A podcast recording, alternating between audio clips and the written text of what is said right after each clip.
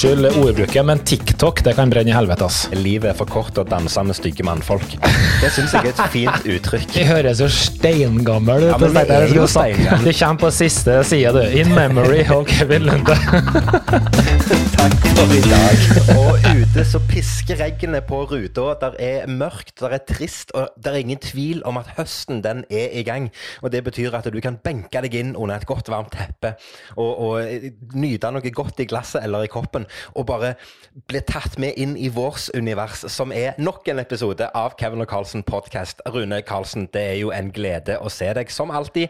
Denne gangen iført kun pushen, og det er tegn på at høsten har kommet til, til Vest- Østlandet òg. Så det er deilig. Hei! Ja, hei, Kevin. Hva skal være ærlig innrømme? At jeg er jo faktisk i permisjon eller hjemmekontor, eller kall det hva du vil. Jeg går pysj hele jævla dagen, så det, Jo da. Nei da, Det det, det har jo blitt den nye, den nye hverdagsuniformen, det. Push. det har det, altså.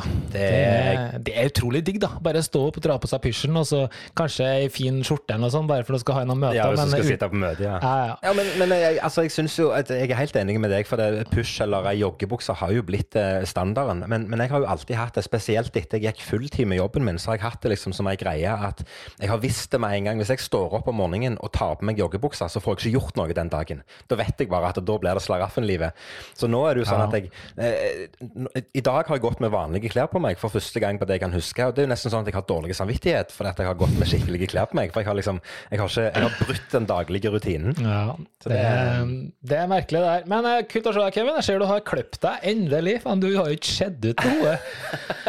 Nei, nei jeg, måtte, jeg måtte jo krype til korset og ta en eh, koronaklipp, rett og slett. Eh, Nå, nå jeg, ser jeg jo øreklokkene du har på deg, da. Det Ja, er sant. liksom jeg la jo ut et bilde her om dagen som du òg var inne og kommenterte på, der jeg eh, kom rett ut fra dusjen og håret sto rett opp, og jeg så ut som både et lykketroll og en brukte dokost alt i sammen. Da Ja. fikk jeg beskjed om fra øverste hold, altså Alin, at eh, det var på tide å klippe seg. Og jeg var jo ikke uenig heller.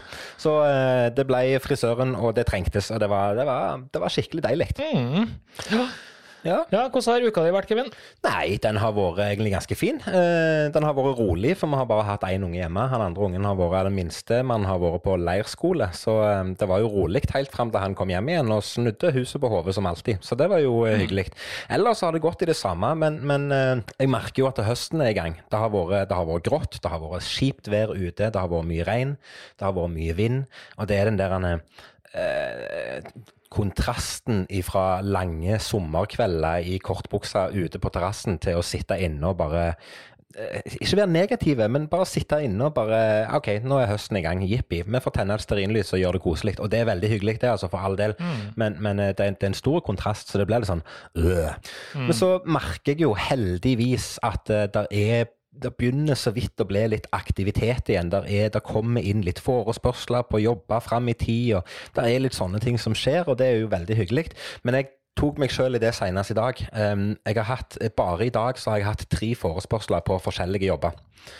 Og jeg er jo sånn nå at jeg nesten føler meg overarbeida. For det, det har jo vært Jo, jo, men du skjønner hva jeg mener. Vært, Du må svare på jeg må e-post, liksom. svare, jeg må jo svare på tre forskjellige forespørsler, og det er jo ikke jeg som gjør alt engang. Så det er jo iallfall hyggelig. Så jeg føler liksom at i dag så har jeg virkelig vært så produktiv at jeg fortjener et lite glass med rødt, altså, bare for å kose meg. Det er, det er løye hvordan det har blitt. Jeg tror du har en sånn greie om at eh, fra du gikk ut i koronapause, så har du hatt en vin hver eneste dag, stemmer ikke? Ja, Det tror jeg ikke er langt ifra sannheten, nei. Det er, men sånn er det. Det er det. Nei, du, jeg har ikke, jeg har ikke gjort så mye sjøl denne uka. Det har, vært, det har gått i, gått i ett, eh, men det er liksom ikke med noe spesielt. Jeg må jo bare si en gang til, det må, jeg oppfordrer deg deg, men neste gang så blir du med på denne studiegruppa som vi holder på med, det med å lese i bok og og, og diskutere blant tryllekunstnere, for det er utrolig interessant. Det er sjelden vi snakker så veldig mye om det, akkurat det som er nødvendig står i den boka vi har valgt ut, men vi snakker om tematikk rundt uh, artistlivet, eller hvordan vi legger opp ulike ting, eller hva vi mener om forskjellige områder. Det, er- det er faktisk kjempekult, så der har du en utfordring. Du må bli med neste gang. Ja, men jeg, jeg trenger ikke ta jeg, altså Den utfordringen tar jeg med glede, for det er jo en av de største tingene jeg savner savner i en normal hverdag, altså når, når, når jobblivet er normalt, så savner jeg jo den der dialogen med kolleger. Altså om det, er- om det er pisspreik eller om hva det er for noe, om det er fag, så savner jeg den der dialogen. Så sånne ting er jo bare gøy å være med på. Og så Ja, vet jeg jo at meg og deg har en litt forskjellig tilnærming på hvor dypt vi skal gå i materien, hva angår teori og sånt. Det er klart jeg liker å lese og, og lære ny teori innenfor faget, men vi har gjerne en litt forskjellig tilnærming på det. Men, men eh, jo da, det, det er gøy å snakke med kolleger, og det er gøy å liksom ha det der, eh, den kontakten. da. Så eh, ja, jeg er veldig gjerne med på det. Apropos bok. eh, jeg Ja, bok, ja. Vet du at jeg skriver bok, forresten? Du Det var den jeg venta på, ser det var, du. ja, ok, nei, Ja. okay, nei, fortsett du. Nei, men det var den jeg venta på, ser du. Det var Fordi at, det? Ja, fordi at i episode 1 til sannsynligvis 11 i denne podkasten, så har du sagt, nevnt et eller annet om denne her boka di, men så har det bare vært dampstilt. Så jeg vet jo ingenting. Nei, det er ikke jeg- Jeg har det på, det- på det noe jeg skulle nevne. Vet du, nå er faktisk boka i ferdig trykkformat. Det eneste som mangler nå, er alle bildene jeg skal ha inn. Så alt i boka nå er ferdig i det vi da InDesign. da. Um, og alt design er satt opp, og alt av innhold er flytta over, og nå er det bare å få inn bildene. Men det er jo en jobb, det òg, da. Det jo, Du har ikke bedt meg om noe bildehjelp ennå. Jeg skal jo være bidragsyter i denne boka, har jeg fått beskjed om. Jeg har ikke bidratt med et puck. Jeg, har jo ikke, jeg vet jo ikke om jeg står nevnt i boka engang. Så det, nei, jeg gleder meg. Jeg Du kommer på siste side, du. In memory og Kevin Lunde. Takk for i dag. Nei da. Så du skal få informasjon når den blir ferdig. Men uh, jeg må si at det, det å skrive bok, faen, det er, det er faen meg Sorry uttrykket, mye jobb, ass. Ja, klart det er mye jobb. Uff, Det er jo mange ja. bokstaver som skal skrives, og det er mye skrivefeil som skal inn og rettes. Og det snakket vi jo om, at det går fra engelsk til norsk, norsk til engelsk, og gjør alle denne, her, denne skrivefeilen her. Vanskelig, altså. Du, men det var én ting jeg bestemte meg for jeg skulle si, og nå må jeg igjen ut uh, Unnskyld ordbruket, men TikTok, det kan brenne i helvete, ass. Oi, apropos bok, liksom. Vet du, det her skjedde da forrige, eller nå er det kanskje to uker siden til og med. Jeg får en pop-up inni TikTok-appen. Jeg er ikke en kjempeaktiv bruker, men jeg syns det er litt kult. Og så tolker jeg spørsmålet, ref. engelsk, da. Eh, Når har du bursdag? Ja, ja, tenkte jeg. Da skriver jeg bare inn da når jeg har bursdag. Og jeg tenker ikke over det. Jeg tenkte det var bursdag, det var ikke når jeg var født. Så jeg lar jo defaulten stå, så jeg skriver jo 5. august da, og bare trykker pælme i vei. Hva skjer da? Sorry, Mac, du er blokka ut av TikTok fordi du er for ung. For jeg la jo selvfølgelig den 2020. tenker jeg, Hvor smart er løsningen hvis du tror at jeg klarer å svare på en app, og at jeg er tre uker gammel da, og lagt inn, og så blir jeg sperra ut av den fordømte appen. Så tenkte jeg ok, her må jo være bare noe er latterlig greier. Så sender jeg en henvendelse til TikTok, da. Og så får jeg svar med en gang. bare, Oi, så dette det var bra. Ja, vi trenger bare en kopi av, for å bekrefte at du er den du er. Og så tenker jeg, ja, slenger av gårde kopi av førerkortet mitt, da. Siden da, helt dødt. Ja. Ingen svar. Jeg har masa hver dag, to ganger per dag. Ingen svar. Jeg har starta fem ulike support-tickets. Akkurat samme automatiske svaret. Vi trenger en, en greie fra bla, bla. Og jeg svarer, og ingen svar etter det. det altså, det her må jo være det jævla sosiale mediene har jo ikke et apparat som kan håndtere support. Jeg snakka med en kollega av oss i dag, Daniel. Ja. Han har blitt stengt ut av Instagram. ja. Du får, du får ikke hjelp! Det blir for stort, det er for mange brukere, så de klarer ikke å håndtere det. Det 200 automatikk. milliarder brukere, ikke sant? Hvordan skal ja. de klare å håndtere det? Åh. 200 milliarder brukere, faktisk. Ja, Ja, det var. Ja, det var litt å Nei. ta i. Men eh, nei, men Så- eh, kanskje du som, eh, som kan dette her med IT-sikkerhet og sånn, kanskje du lager et eller annet, en app eller noe? Ja, jeg var i hvert fall en automatisk algoritme som de kunne bare brent på bålet, for det her var latterlig dårlig. Det, uff. Ja, det bringer meg inn på en annen ting. Hvis du har sånne negative ting i livet ditt, kvitt deg med det! Bort med det! Livet er for kort. Kom deg videre. Og så trenger vi ikke å snakke noe mer om det, for du skjønner hva jeg snakker om. Så, Ja, det er, Ja. Tanta til Linn hun har et fint uttrykk som er 'livet er for kort å danse med stygge mannfolk'. Det syns jeg er et fint uttrykk. ja, den er bra. Men du, skal vi rulle i gang, eller? Vi har mange ting vi skal svare på i dag. Det har vi. Og vi skal gå rett i dybden med en gang. Vi snakket om dette med teori, Karlsen. Og vi har fått et spørsmål fra Eirik i Sverige, faktisk, av alle plasser. Så gøy at vi har lyttere på, de, på den sida av grensa òg. Veldig hyggelig. Eirik Ja. han lurer på om teknikk er viktig, og hvorfor eventuelt hvorfor ikke. Og jeg går ut ifra Mm. det trylling han snakker om, selvfølgelig. Og skal, Ja. vi, skal vi konkludere med Jeg, jeg, har, en, jeg, har, en, jeg har en veldig kortfatta konklusjon med en gang, ser du. Ok, ja, eller? Eh, ja, eh, faktisk. Eh, ja. Det er, det er konklusjonen. Men det er et men òg, og, og mennet er Det kommer jo selvfølgelig an på settingen og hva du skal gjøre. Mm. Mm. det her var litt morsomt spørsmål, takk Erik. Fordi det som slår meg, da, og det tror jeg kanskje du er enig i også, Kevin, at for å diskutere det her, så må vi nesten bli enige om hva er teknikk.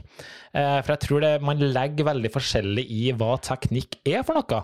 Jeg tror at noen vil kanskje isolere teknikk til å si at nei, men det er bare type fingerferdighet. Mens andre kan si at misdirection f.eks. er teknikk. Ja, Hva er misdirection, jo... bare for de som ikke har hørt det ordet før? Ja, hva er det norske ordet? Det er... Skal vi si at det er å styre oppmerksomheten til ja. seeren, eller tilskueren? Ja. Og noen vil jo si at det, det, er også en del av teknikken din, men jeg vil jo si at da, du kan også snakke om teknikk på misdirection. Så for meg så tror jeg, Som jeg sa, vi har ei studiegruppe, da. Og der uh, står det ganske en bra referanse til hva han legger i teknikk, da. Og Der så sier han noe om at for tryllekunstnere så er teknikk det handler gjerne om fingerferdighet. Altså den kombinasjonen av de ressursene og prosedyrene du kan utføre. Og Hvis vi bruker det som utgangspunkt, så mener i hvert fall jeg at eh, teknikk er kjempeviktig. Eh, men så kan vi si eh, sikkert masse om hvorfor det er viktig, og hvorfor det kanskje ikke alltid er like viktig. Så vet jeg hva du tenker, Kevin. Ja, nei, Hvorfor er det så viktig? Jeg må, jeg må, jo først av alt si meg enig med, med jeg si, teorien din her. At um, så det er nå greit. Men, men, men, om det er viktig, og hvorfor er det så viktig um, mens du tenker, Jeg kan jo si noe mens ja, du tenker. Bare, du kan jo bare, bare få, få høre hva du mener. La oss si at du eh, har et arsenal av teknikk, da. Så tror jeg at eh, da åpner det dørene til effekter du kanskje aldri tidligere hadde klart å gjøre på en like god og overbevisende måte. Ehm, sånn at eh, du har et mye større spekter av muligheter til å oppnå ting du kanskje ikke hadde fått til like godt hvis du måtte ha benytta ehm, andre typer teknikker, eller kanskje mindre overbevisende teknikker. Ja, det fordrer jo at du da ehm, f.eks.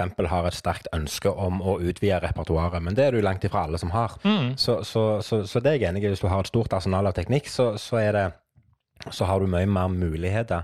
Men, men, eh, jeg prøver liksom å tenke hva er det Eirik mener, sånn helt Hvis vi tar og bryter det helt ned, hva, hva han egentlig mener. Og, og det, for å være helt ærlig, det ble jo bare synsing. Det ble jo bare um, våre egne personlige meninger om det. Men hvis vi virkelig skal bryte det helt, helt, helt ned, så kan vi egentlig spørre spørsmålet til Eirik på en annen måte. Og det er er det viktig å gjøre teknisk vanskelige ting? Altså er det viktig å gjøre vanskelige ting på scenen? Og eventuelt hvorfor og hvorfor ikke? Oi, det var nesten et nytt spørsmål. Ja, det blir, det blir nesten et nytt spørsmål. Det, ja. Men jeg bare sitter og prøver å drodle litt og gruble litt på det. Men, men eh, det blir Hvis et nytt spørsmål. Hvis det var spørsmålet, så jeg ville ha sagt nei. Uh, åpenbart. Ja, ja, der er vi helt eh, enige. Ja. For, for, for, men jeg, jeg, har lyst til å drodle litt mer på det Erik egentlig spør om. Eller hva, det vet du ikke hva han egentlig spør om, men, men, okay, men la oss snu på det da. La oss snu på det da. La oss si at han spør om er det viktig å være fingerferdige. Hvorfor og hvorfor mm. ikke? Ja. Jeg tror jo at uh, det kan gjøre magien sterkere, da. Og kvaliteten på magien også kan gi det mer tyngde, og du, det kan fremstå mye bedre. fordi Prøv å gjøre det så veldig enkelt og banalt som mulig. da. La oss si at du, en, du skal gjøre et korttriks og så skal du bytte ut ett kort med et annet kort. Ikke sant? Det du kan gjøre da, det er at du kan ta det ene kortet, putte den i ei lita eske, og så når du åpner eska igjen, så har det blitt et annet kort. Og du kan vise at den eska fortsatt er tom ja. tilsynelatende. Ja. Da har du brukt, brukt, en teknikk ved hjelp av et element. ikke sant? Ja, det mener jeg. Men du kan også bruke fingerferdighet, som nesten er usynlig eh, hvis du gjør det bra, eh, og som ikke da trekker inn andre elementer. og Da mener jeg at det kan gjøre magien din mye sterkere og mye rikere. da. Ja. Så det syns jeg er et greit, sånn banalt eksempel. Ja, men det, det, det, er et fint eksempel, det. Så, så uh jeg har liksom ikke noe mer å tilføye i det hele tatt. For det, det, det illustrerer jo egentlig eh, Hva skal jeg si? Det illustrerer egentlig svaret på spørsmålet ganske bra. For det at mm. det du egentlig sier, det er at teknikk trenger ikke alltid bety noe. Men hvis du bruker rett teknikk til rett tid, så kan du få magien til å se sterkere og bedre ut. Mm. Ja, jeg, mener jo det, men så, så, så kan du jo si det motsatte også. Teknikk kan gjøre at uh, magien blir dårligere. Altså, Gjør du teknikken dårlig, så avslører du alt igjen. Eh, og har du Ja. øvd for lite, så avslører du deg sjøl. Og, og det hender jo at vi ser, og det hender jo at eh, altså mener vi øver også på ny teknikk og prøver å inkorporere det i, i rutinene våre, så det feiler jo fra tid til annen, og det gjør det for alle sammen. Eh, og det, det gjør jo i, i prinsippet magien din svakere igjen, så eh, ja. Ja, ja nei, jeg er enig. Og det, det er klart, så gjør du, gjør du teknikk som du gjerne ikke har øvd inn 100% og du ikke behersker den, så går det ut over hele presentasjonen din. Det går ut over hele, hele, av- hele innslaget ditt, egentlig. Fordi at du er så fokusert i å få det riktig til at du klarer ikke å gjøre alle de andre tingene som er teknisk krevende. Så ja, så, ja eh, Nei, bra resonnert, Karlsen. Bra resonnert. Men jeg tenker også at eh, teknikk ikke nødvendigvis er avgjørende, da, hvis det er det Erik lurer på.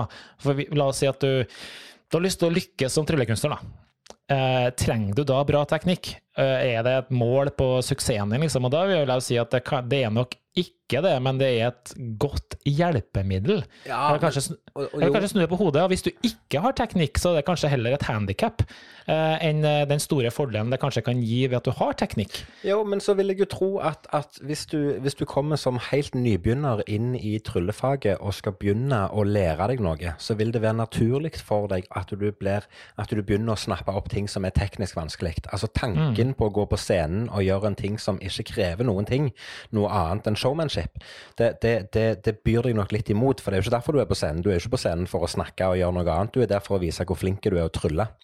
Og veldig ofte så tror jeg folk forbinder trylling med enten fingerferdighetskrevende ting, eller ting som skjer av seg sjøl oppi en boks. Eh, så, så, så jeg er enig med deg, men, det, men jeg tror nok at tilnærmingen vil være et økt fokus på fingerferdighet, iallfall i starten, og så går det inn. Altså det, meg og deg gjør jo et triks i dag som egentlig ikke krever noen ting fingerferdighet, men for at vi skal få det til å se bra ut, og få det til å funke bra, og få det til å spille bra, så krever det at all den andre teknikken vår, altså på snakking og på misdirection og alt dette her, funker.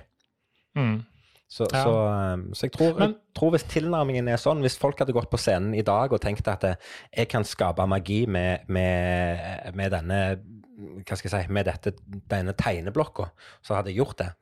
Men jeg tror ikke det er så mange som tenker sånn. Jeg tror de tenker dette, jeg må finne noe som er litt teknisk krevende, og øve på det. Men var vi enige om at eh, teknikken din kan gjøre effekten sterkere? Var det sånn? Ja, i noen tilfeller så tror jeg nok at det kan være tilfellet. Men, men igjen, jeg tror det kommer helt an på hva du skal gjøre. Ja, jeg, jeg tror også det er helt riktig, men eh, jeg tror også det her med teknikk er også en slags unnskyldning, og det vet jeg sjøl også, at eh, hvis det er noe som er veldig vanskelig, så finner jeg veldig gode grunner for å ikke lære meg det. Du prøver jo å finne en snarvei. Ja, ikke sant? Fordi jeg, mener, altså, jeg gjør tilsvarende effekt, eh, og den er mer enn bra nok. Eh, men jeg må jo ærlig innrømme at hvis jeg kunne eksempel ha gjort et for dem som tryllekunstnere, her, eh, Race Rise eh, som er eh, originalen hvert fall er forholdsvis vanskelig.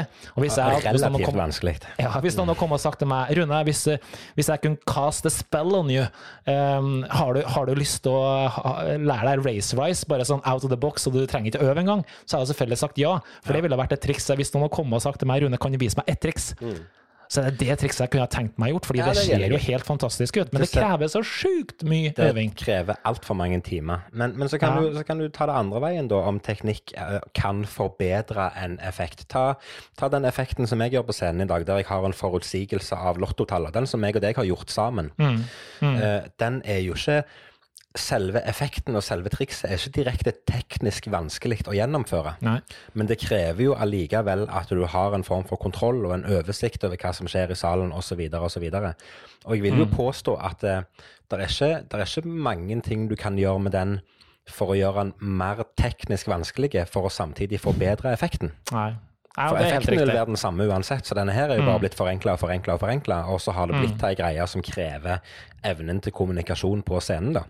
Men det er jo det du egentlig sier, at det å trylle Det var litt som jeg sa i stad, at en tryllekunstner kan ikke basere seg bare på teknikk for å oppnå suksess. Nei, fordi du må ha litt mer. Er samme som tror at eh, Hvis du er god i fotball, hvis du er en gud med teknikk, så får du spille på Real Madrid. Det får ikke du. Det er så mye mer annet som gjør deg til en komplett eh, fotballspiller også. Så det, det er liksom litt det er det samme her, men det hjelper jo da, på veien, for å si det sånn. Ja, men da er det jo det som er konklusjonen. Riktig teknikk er viktig i rette setting. Men du, et spørsmål til slutt, da. Ja, sånn, hvis det er et enkelt svar. hva er det da som er viktigst? Er det effekten, metoden eller teknikken? Hvor god tid har vi? Ok, vi tar det i en egen episode. For det, her... det tror jeg vi må ta på en egen episode. For der, er der, der kan vi snakkes eh, grønne, og det, det tror jeg blir kjedelig å høre på for den personen som hører på som ikke er tryllekunstner. Episode 16. Ja, vi ruller videre. Yes, Kevin, vi har jo fått inn nok et eh, lyttespørsmål, og her er faktisk fra en som heter Kalle i Molde. Hyggelig, Kalle. Eh, og det her er jo et absolutt et ikke-trylletema, og det her, den her syns jeg er litt morsom. Hvorfor selges pølser i pakke av ti, men brød i pakke av åtte? Ja, det Ja, Ja. aller først så tenker jeg at eh, Kalle skal få kjempekred for at han har hørt på oppfordringen vår om å sende spørsmål om ting han lurer på. Der han selvfølgelig skal få et svar, og det er ikke sikkert vi har rett, men han skal iallfall få et svar, og det skal vi stå for, så det er greit. Men, men eh, jeg, må jo, jeg må jo berømme han eh, for i det hele tatt ta dette spørsmålet opp, for dette tror jeg er et sånn et evigvarende spørsmål som mange har spurt seg om før. Både når de har stått på butikken, eller når de har sett på TV, eller hva som helst. Det er, sånn, det er en sånn en dusjtanke som du kan få, få for deg når du står og dusjer. Og, og jeg, så vidt jeg vet, så er det ingen riktige svar på det. Men jeg tror det er noen som har prøvd å finne ut av dette her. Ja. Og, og hvis jeg kjenner deg rett, så har du gjerne googla litt og funnet noe vitenskapelig bak dette her på et eller annet. Nei, Jeg tror, jeg tror helt seriøst at uh, hvis, jeg, hvis, jeg skal, hvis jeg skal ta den, den, den seriøse så tror jeg dette er snakk om to forskjellige produsenter som ikke snakker sammen, og som ikke har gjort det på noen gang i det hele tatt. De har bare gjort sånn som de alltid har gjort, fordi at det er best og mest gunstig for de. Den useriøse grunnen det tror jeg er at det er to bedrifter som snakker sammen og finner ut at de skal holde hekken med oss sluttbrukere. Og det er den meningen jeg står til. Det er noen som sitter og lager sånne produkter som passer sammen, som ikke passer sammen i antall, f.eks. Som bare finner ut at dette skal vi holde helvete med kunden på. Enkelt og greit. Men det er en, et, et, så useriøst svar, da. Så tror jeg at jeg tror det er sånn, fordi at uh, i snitt så tror jeg at uh, to pølser de går uansett. Enten så detter den og går til måkene, eller så mister du sanda, eller så blir det brent på uh, grillen din, et eller annet. Så det er kjekt å ha noen ekstra. Ja. At de har regna med litt ja, svinn. Ja, oh. jeg tror det er noe med det. Ja, men der, der, jo, der må jeg ta deg igjen, da. For vi, vi spiser jo glutenfritt her hjemme pga. minstemann med cøliaki.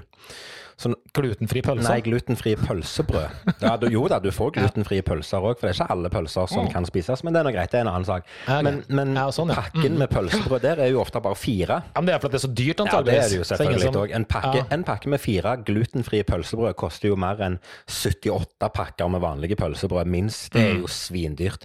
Så, så det er nå greit nok. Men da får du jo iallfall et dilemma. Fordelen her da, det er jo at vi er fire stykker i huset. Så, så ett pølsebrød på hver, og så to og en halv pølse på, på per pølsebrød. Så har vi en middag. Det er jo enkelt. Enkel matematikk. Jeg bare sier en ting, hvor er EU når du virkelig trenger dem? Og så de har liksom ja, den bananen den kan ikke være mer bøyd enn sånn og sånn, og så det er liksom retningslinjer på alt, men det er pølse og brød, det finnes ikke noe på ennå. Eller om vi skal sende en henvendelse til EU-parlamentet nedi Jeg vet ikke hvor de helt er. hvorfor, har du tenkt på det noen gang når vi snakker om dette? Hvorfor er det sånn at, eh, at uh, lengden på pølsa ikke samsvarer med lengden på pølsebrødet? Pølsa er jo alltid litt lengre. Ja, da fikk han en billig ha. Men eh, Det er ikke lov å si! vi er ikke der ennå. Vi er ikke der ennå. Det er ikke fredag ennå. Må du roe deg ned. Nei, men det, det er faktisk et veldig godt poeng, særlig hvis du har wienerpølser. Det går jo ut av dimensjoner, de henger jo over. Eh, nei, det, det var et godt poeng, faktisk. Men, eh, men jeg vet at det, det finnes jo, som du sier, det finnes forskjellige pakninger her, men det er jo helt håpløst at det skal være sånn som det her. og Det verste er å sjekke at det finnes jo noen som gir ut både pølse og brød. Det er samme produsenten, men allikevel så klarer ikke de å gi av samme Nei, antall. men nå har Altså, det blitt, nå har det blitt ei greie. Nå gjør de jo bevisst uansett. Ja, det tror jeg For nå har det vært så mye fokus på det, og folk har stilt dette spørsmålet mange ganger. Ja. Og igjen, jeg tror jeg har kommet fram til en konklusjon, og dette er tilbake til Jeg vet ikke om du husker det for mange år siden, så fortalte jeg deg hva som var mitt, hva skal jeg si, min leveregel. Hvorfor gjør du sånn, og hvorfor gjør du sånn? Fordi jeg kan. Det var svaret. Og det er det pølseprodusent og pølsebrødprodusenten gjør her. Kalle, svaret ditt er, på spørsmålet ditt er enkelt. Hvorfor selges pølser i pakken av ti, men brød i pakke av åtte? Fordi de kan.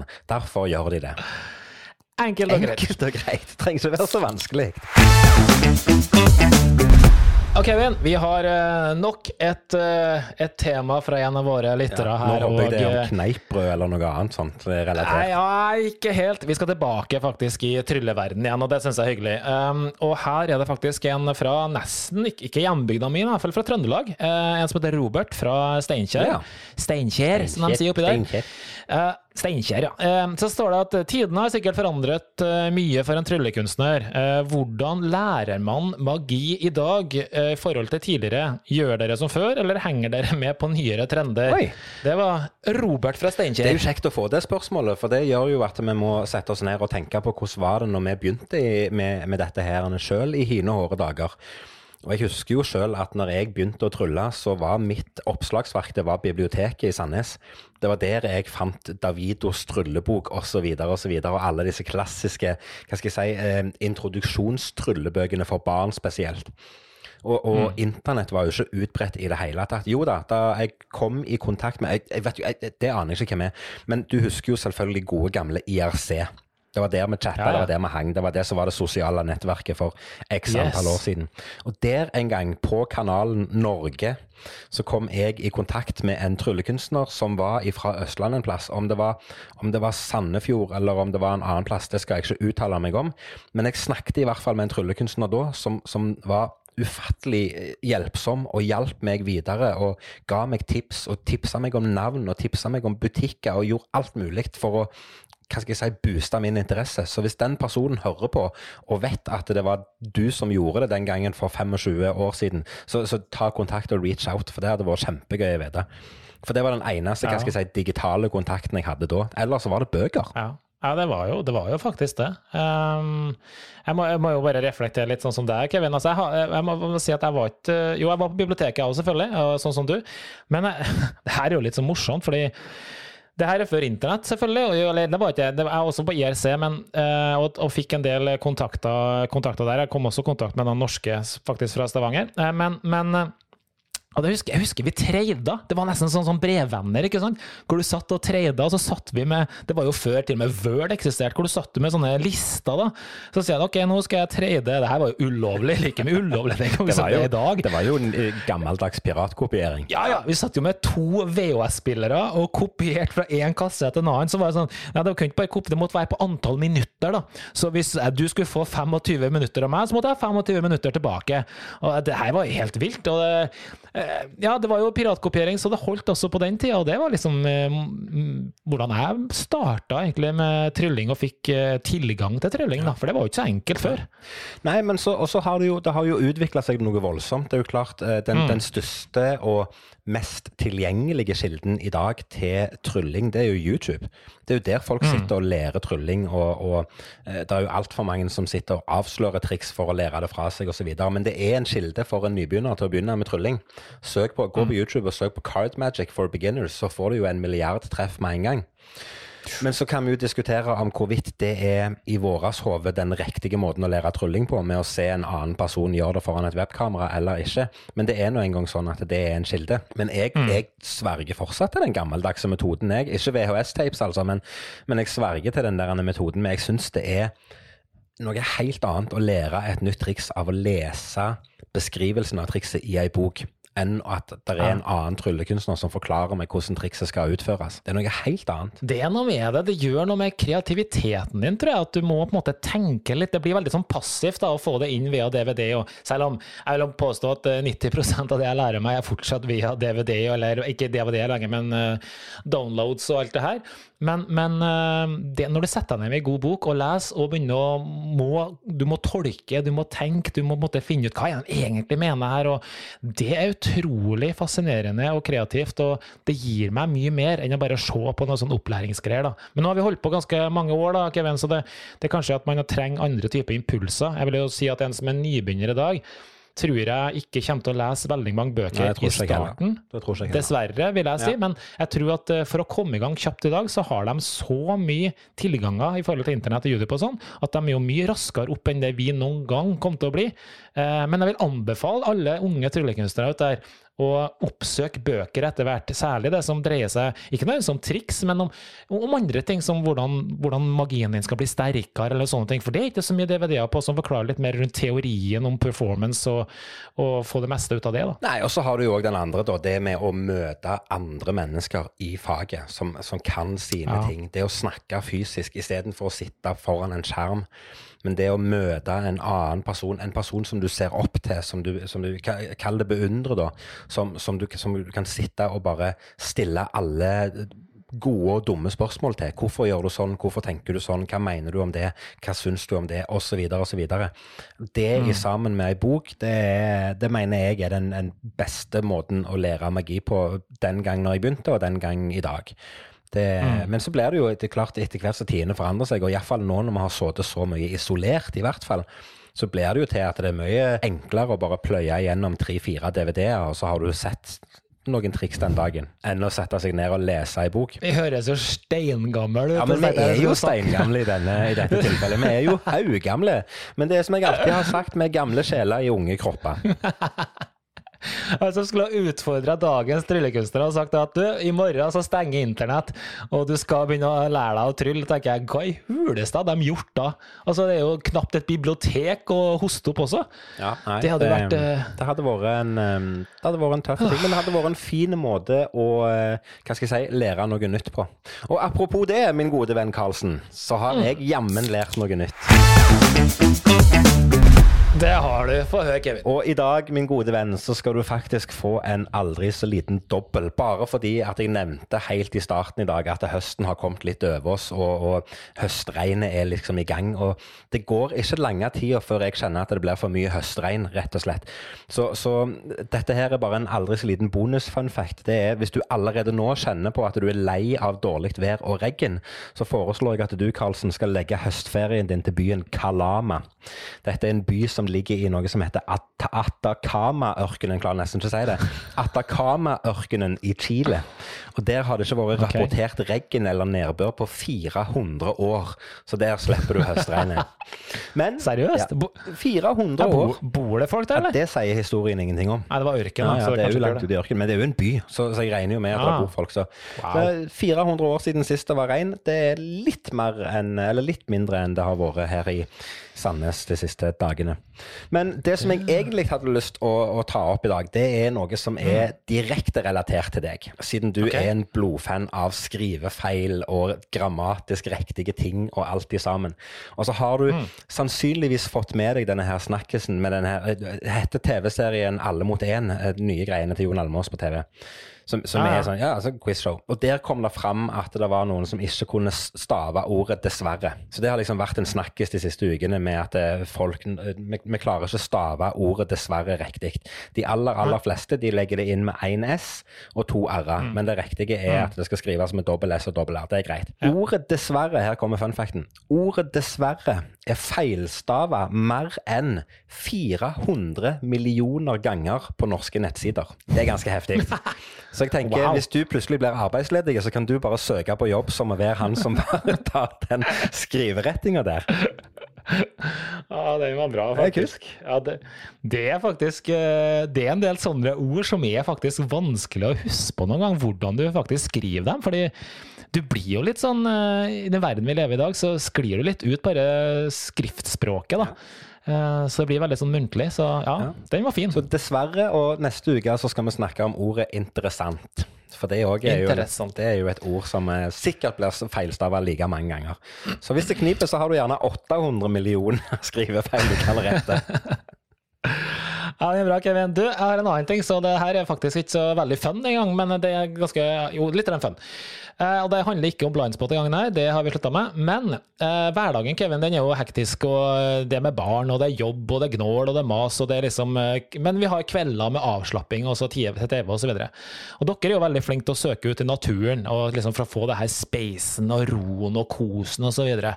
Jeg òg liker å slappe av, eh, men det, og det har alltid vært en greie at jeg liker å slappe av.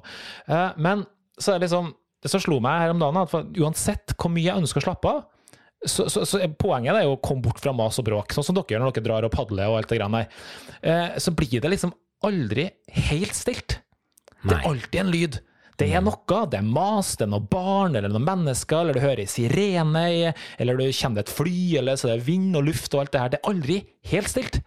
Så tenkte jeg, hvor kan jeg få fullstendig stillhet? Altså helt absolutt tystnad, Ja, de sier Ikke engang en susing, liksom. Nei, helt stilt. Nei. Og hvor må du da? Jo, vi må til IT-verden, fordi vi må og besøke Microsoft. Okay. De har nemlig lagd verdens mest stille rom. Ja. Og på sitt hovedkontor i USA så har de laga et rom som da har minus 20 desibel. Oi. Negative lyd. N- Nei, nei, Nei, nei, nei. desibel er jo i forhold til hva et menneske klarer klarer å høre. det var bare Så det, ja, det var jeg som tenkte feil. ja, Ja. riktig. Så det er jo 20 desibel da, under det vi faktisk klarer å høre av lyder. Så jeg, det, det hørtes jo fascinerende ut. Så, så, så leste jeg litt, så sto det at når du er i det her rommet, så får du bare helt merkelige opplevelser. Fordi eh, du klarer ikke å beskrive hva du egentlig opplever, fordi du plutselig hører lyder som du aldri har hørt før. Du hører støy som du hører ikke, altså Det blir bare helt merkelig. Plutselig så hører du sjøl at du puster. Kanskje hører du drøvelen din. Kanskje du bare snur på hodet, og så hører du en lyd. Eller du hører at du, du rører på pekefingeren din, som er visst helt merkelig. Og det har jeg kunne tenkt meg å ha prøvd. Ja, det var gøy. Det var gøy. Bare, bare vær helt, nei, men vær helt rolig nå. Helt rolig. Helt rolig. Nei, det suser. Ja, det suser med en gang. Ja. Og, eh, men det er det som er paradokset her, tror jeg, at hvis du hadde dratt til det her rommet, så hadde du aldri fått slappe av, vet du. For du har hørt det her lydene likevel. Nye lydene som har holdt deg våken. Du hadde ikke fått sove, du vet hadde nok drevet med en sånn en evig jakt på å finne en lyd som du hørte hele Ja. tida. Ja, Ikke sant? eh, ja, jeg, Men det hadde vært kult å prøve. Det det var veldig kult å prøve. Og jeg, har jo, jeg husker ikke hvor det var hen, men det kan godt være at de har noe sånt på Teknisk museum i Oslo, at de har lagd sånne, sånne rom som skal være liksom helt silent og helt dødt. Eh, Det er klart, det blir jo gjerne ikke så isolert som det Microsoft holder på med, men, men eh, det er ganske spesielt uansett, altså. Ja, jeg vil nok tro at de aller fleste er sånn lydstudio og sånn, det er jo ganske lydtett òg, men, eh, men det her har vært, det hadde vært drittøft å prøve. Ja, det var kjempegøy. Yes! Ja, skal vi rulle videre? Det har kommet inn et spørsmål som egentlig ikke er et tryllespørsmål, men så er det det allikevel. Fordi at Rolf Erik fra Bergen, han har, han har sett at det har kommet en ny tryllefilm. Og det har det. Denne her den nye Disney Pluss-kanalen, de har lansert en film som heter Magic Camp.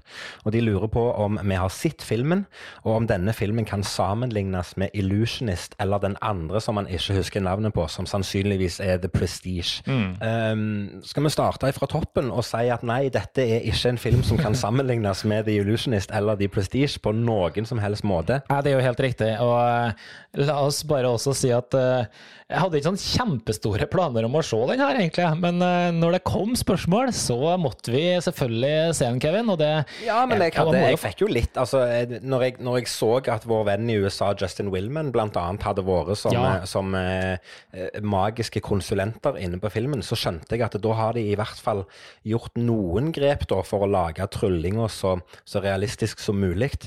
Så det var, jo, det var jo litt faglig interesse at jeg satte meg ned og så denne filmen. Det er det. Skal vi, skal vi si litt om hva denne filmen faktisk er for noe? Og For å gjøre det veldig enkelt, det her er ikke en avansert eh, voksenfilm.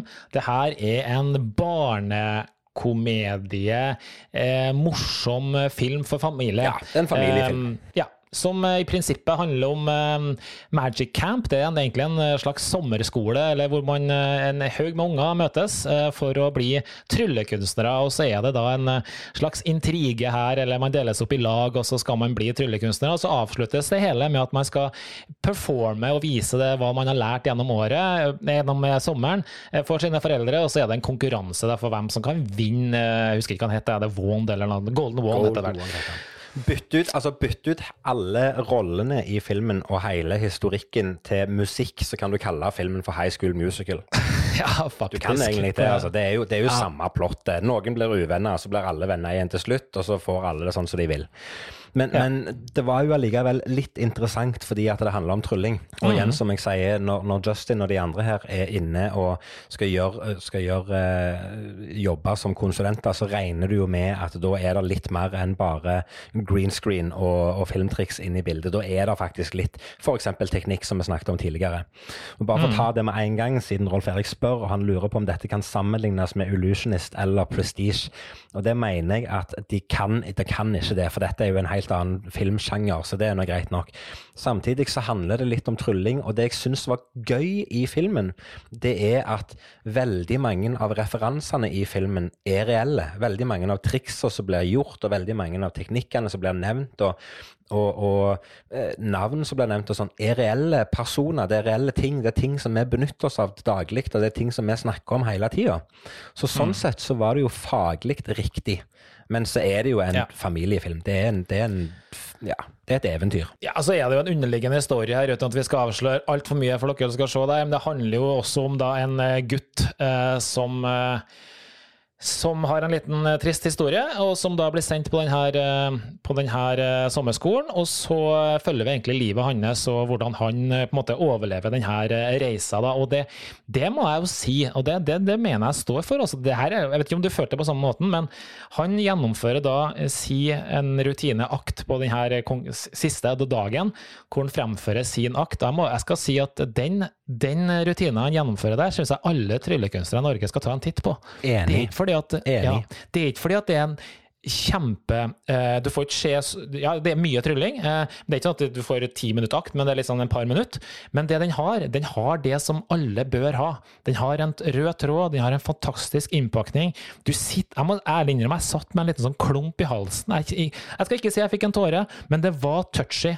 Det var faktisk veldig, veldig bra. Og Det er jo igjen, det er jo det som jeg syns er gøy med det, da. For dette her er jo igjen magien til Disney, og deres evne mm. til å formidle et budskap og fortelle en historie historie. Sammen med trylling så er jo det en blanding, så er det en kombinasjon som bare funker. For det er jo klart, det har jo sittet noen dyktige folk og lagd manuset til denne personen. Det er jo ikke sånn at han har bare tatt med seg en kortstokk og gått på settet og filma dette her. Så, så, så, det er jo, det jo innpakning òg som er så veldig bra på akkurat de greiene der. Og jeg er helt enig med deg.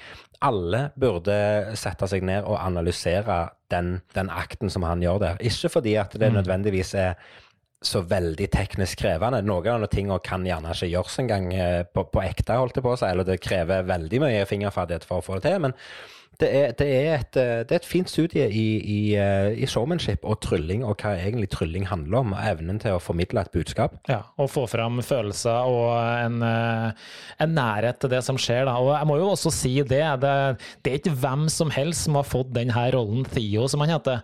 Han kan faktisk håndtere kort. Jeg satt og tenkte, hvem er han fyren her? Han her må jo være del av et tryllemiljø, ja, ja. for han kan virkelig håndtere kort. Du ser det veldig tydelig når han sitter med kortstokken, at han har ikke bare han han har ikke bare gått inn i en rolle. Han har fått den rollen fordi at han er flink skuespiller, først og fremst, men òg fordi han er flink tryllekunstner. For han er, han er, teknisk flink. Det er han, han absolutt. Og jeg er sikker på at han gjør ting med en kortstokk i dag som jeg bare kan drømme om. Men det er jo fordi at vi har forskjellige ønsker og prioriteringer hva vi har lyst til å bruke tid på, for all del. Men, men han, er, han, er, han, er, veldig flink, altså. Ja. Jeg, jeg, tok jo, jeg bestemte meg for også her å bare plage Jessica gjennom denne filmen, fordi jeg tenkte jeg kan ikke se den her alene, så jeg plaga henne gjennom den. Så spurte jeg etterpå ja, hva syns du?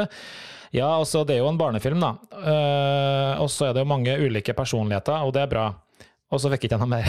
så ta det for det det er. Og jeg vil bare si til slutt, jeg vil, jeg vil faktisk anbefale alle Jeg tror den her eh, kan fascinere veldig mye barn. Så sitter du her og har barn, se denne filmen. De kan få dem virkelig interessert i trylling. Det er faktisk en veldig positiv opplevelse. Når jeg satt og så den filmen, så, så, så, er det klart, sånn som du sier, du må ta den for det det er. Og det er, en, det er en enkel familiefilm, og det er greit. Men når jeg satt og så den filmen, så satt jeg tilbake og mimra til min spede barndom, holdt jeg på å si, når jeg begynte å trylle.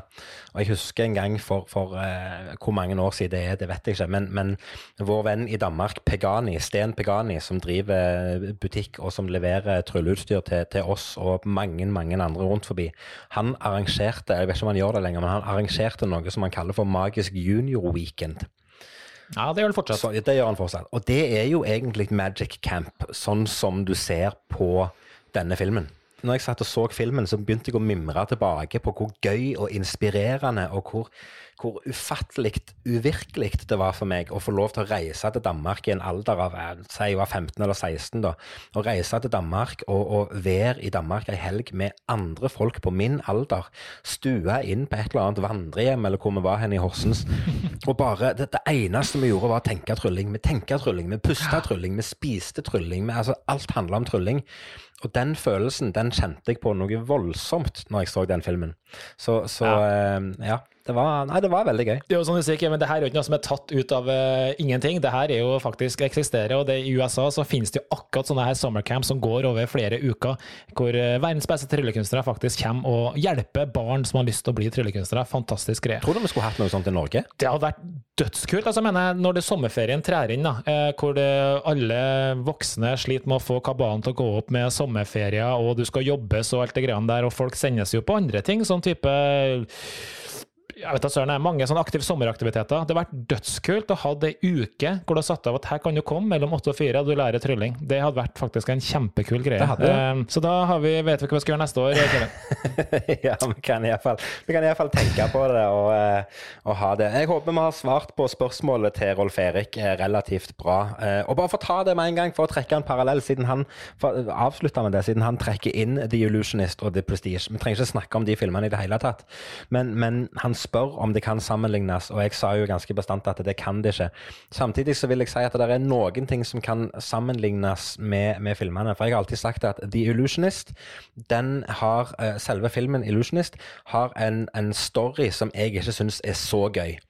Men han har, um, han har um, hva, hva, heter det, relasjoner inn til tryllinger som er, som er, reelle. Altså Det som blir snakket om i The Illusionist, er reelle. Det er navn og triks og teknikker som blir nevnt der, som er reelle.